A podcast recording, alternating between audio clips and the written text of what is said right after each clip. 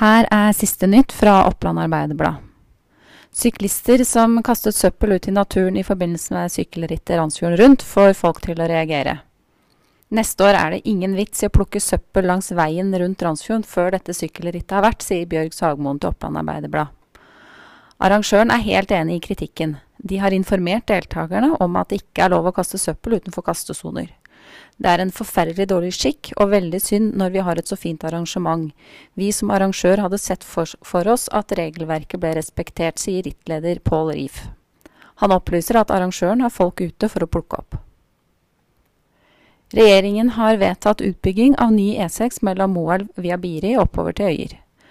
Nå ligger alt til rette for tidenes utvikling av Innlandet, med god og sikker vei, som knytter sammen Innlandet til ett felles bo- og arbeidsmarked, sier Øyvind Moshagen, prosjektdirektør i Nye Veier E6 Innlandet.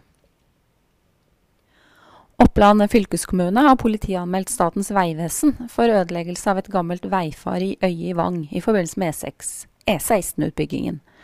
Et stykke av den gamle kongeveien er også ødelagt. Vegvesenet har fått krav på å tilbakeføre området. Det er det avisa Valdres som skriver. Dette er en beklagelig glipp, sier Odd Erik Haugen, prosjektleder E16 Filefjell, og lover å rydde opp. Og både Gjøvik-Lyn og Raufoss 2 tapte kampene sine i dag. Gjøvik-Lyn gikk på en real smell mot Ranheim og tapte 6-3, mens Raufoss 2 var sjanseløse mot Melhus, som vant 4-1. Og det var siste nytt fra Oppland Arbeiderblad.